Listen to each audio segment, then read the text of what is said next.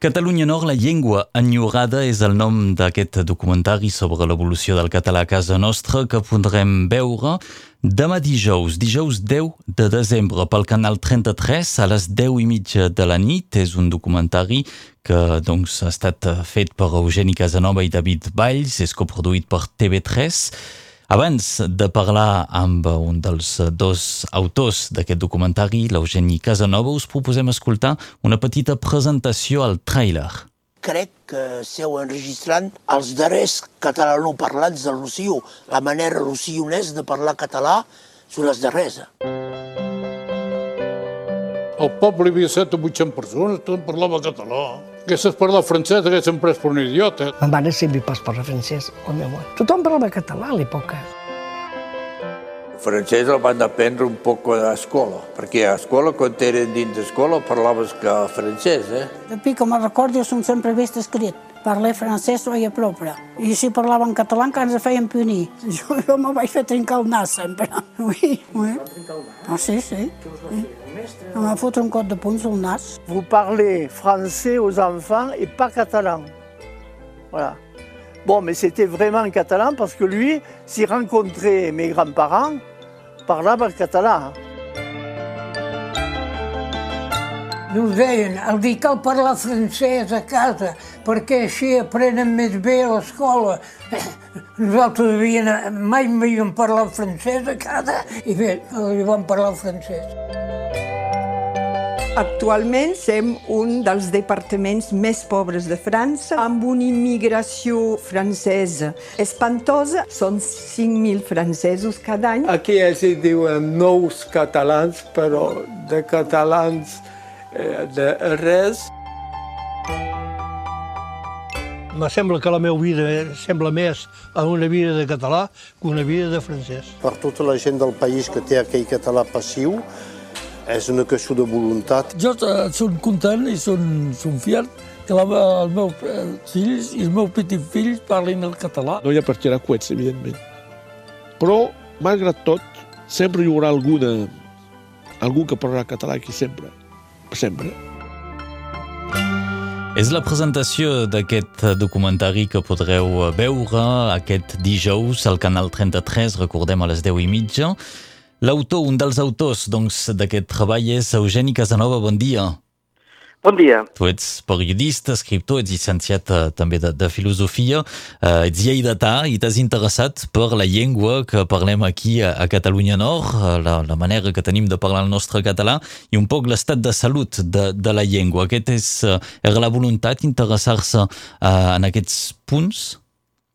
Eh, efectivament, eh, i a més a més d'això, de la llengua, hi ha tot, eh, tot un vessant humà que cal, que cal explicar, que cal contar i sobretot que cal, que cal recollir l'inici o una mica la idea d'aquest documental parteix de, ja de l'any 2016 eh, d'una idea que, que vaig tenir, que va acollir l'Institut d'Estudis Catalans, l'Acadèmia Catalana de la, de la Llengua, en molts vilatges de Catalunya Nord, en molts llocs, en molts llogarets, eh, queden només les darreres persones que, que han parlat català tradicionalment.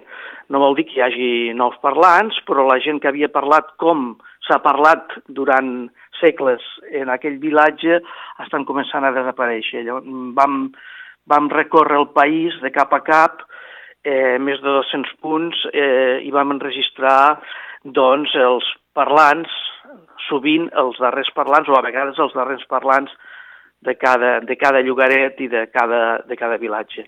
I arran de, de recórrer el país pam a pam i metre a metre i parlar amb la gent, el vam acabar coneixent bé i juntament amb la Càtedra UNESCO i l'Institut d'Estudis Catalans vam pensar, doncs, eh, això es podria plasmar en alguna cosa que fos duradora i que pogués veure tothom.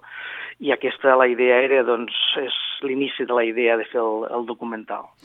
Podem considerar que aquest uh, treball, aquest film, és el més documentat, el que s'endinsa més en la relació de, dels nord-catalans amb la llengua catalana, ho dic per el nombre de persones amb qui heu parlat, pel nombre de cops que heu vingut fins aquí, és un dels treballs més elaborats que hi ha sobre la qüestió? Eh, Bé, el documental forçosament té una durada, havia de durar 55 minuts, en dura, en dura 112, és a dir, que té una durada limitada i això vol dir que el nombre de persones amb els quals pots parlar eh, és limitat. Però, però sí que la base d'aquest documental, és a dir, la, la recerca, eh, les enquestes dels quals parlava, doncs han, han inclòs 400 o 500 persones. Això vol dir que la base d'aquest documental són converses amb més de 400 persones nord, nord-catalans que parlaven eh, o parlen la llengua tradicional de cada lloc. Per tant, eh, sí, sí, la, la, base, la base del documental és eh, parlar amb moltíssima gent, és una recerca molt àmplia. Això no vol dir que, evidentment, dins del documental hi hagi, hi hagi totes aquestes persones, però sí que n'era la, sí que n'és la base. Mm. Molts territoris recorreguts, de fet totes les comarques nord-catalanes, i eh, no sé si heu comptat quanta gent heu pogut entrevistar.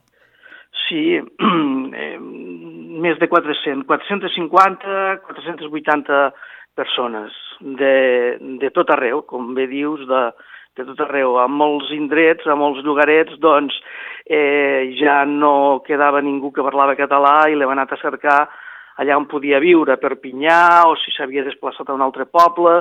Eh, per tant, la voluntat era, ho ha sigut ex exhaustiva, d'enregistrar totes les parles de, de les comarques del nord.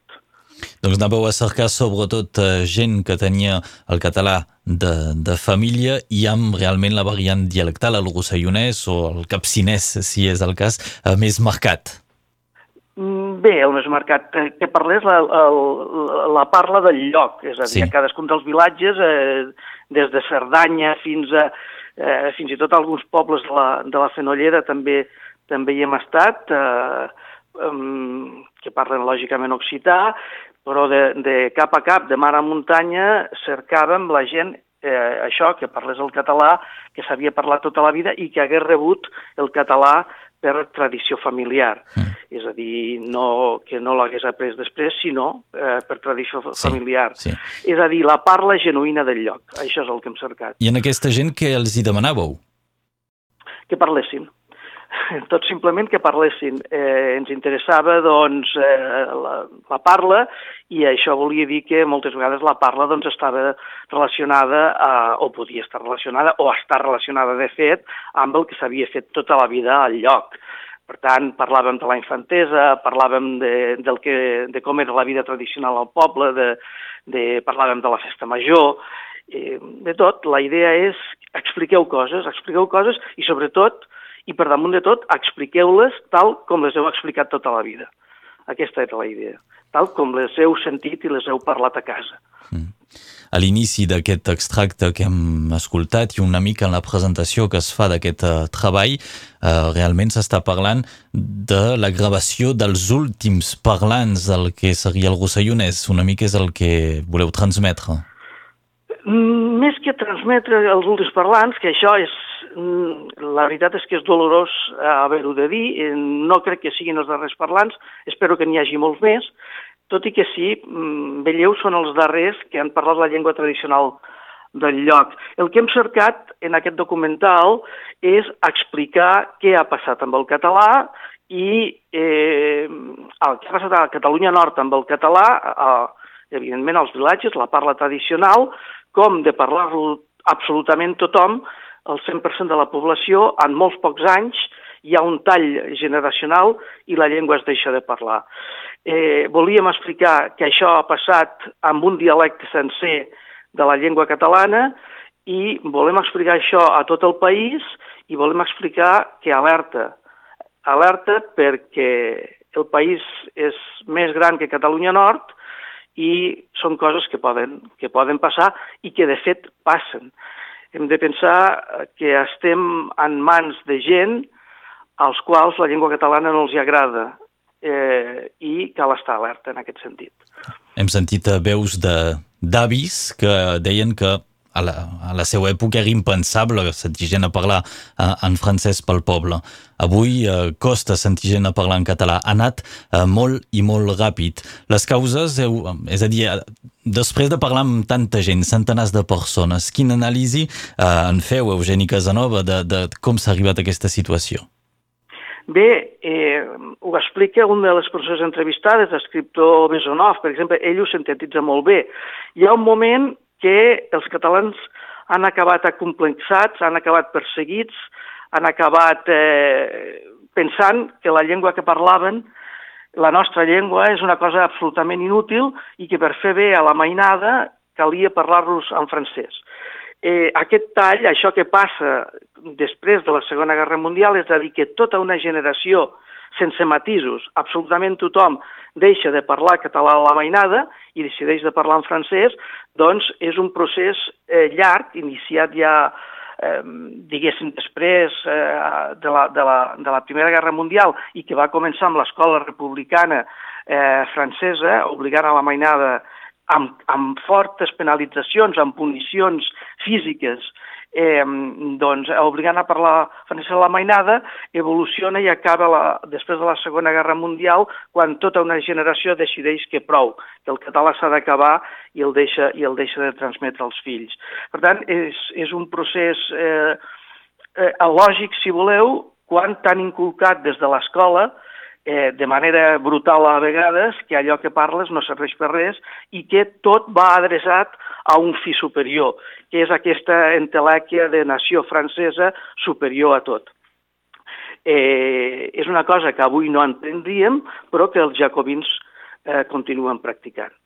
Per tant, eh, és una lliçó d'història, si vols, hi ha historiadors que parlen al film, que ens ho expliquen, i és el procés del que ha passat amb la, amb la nostra llengua a les, a les comarques del nord. Volíem mostrar aquest procés, que aquestes coses passen, que, que poden passar, que passen i que, de fet, és una cosa que eh, ens volen no únicament al nord, sinó que és evident que volen transmetre a tots els indrets de la nostra llengua. Mm. Sembla ser que el català fa nos als grans estats i si, i si no reaccionem, doncs eh, el nord és el primer pas únicament.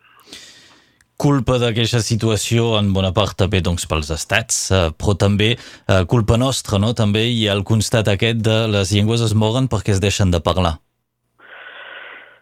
Sí, però no es moren, les maten. És a dir, que evidentment, si tu arrases una, una població, sigui quina sigui, aquella població deixa de, deixa de ser el que és, deixa de parlar la llengua que parla i deixa de pensar el que ha pensat eh, durant tota la història. És el que ens està passant al català. No, no s'ha mort naturalment el català, o no es pot morir, eh, o no s'està deixant de parlar d'una forma natural perquè sí, sinó que és un procés molt pensat, molt calculat d'extermini. Bé, d'aquí doncs aquest eh, documentari, Catalunya Nord, la llengua enyorada, és al canal 33, aquest dijous dia 10, a les 10 i mitja del vespre, i suposem que després també es podrà trobar per internet. Vet aquí, sí, sí, efectivament, efectivament. En parlàvem avui amb doncs, un dels uh, dos uh, autors d'aquest documentari, Eugeni Casanova, que juntament doncs, amb David Valls heu proposat aquest treball. Moltes gràcies d'haver estat amb nosaltres presentant-nos aquest, uh, aquest documentari que retrobarem demà dijous, recordem 10 i mitja, Canal 33. Eugeni Casanova, moltes gràcies. No es mereixen i moltes gràcies i un record per Ràdio Arrels.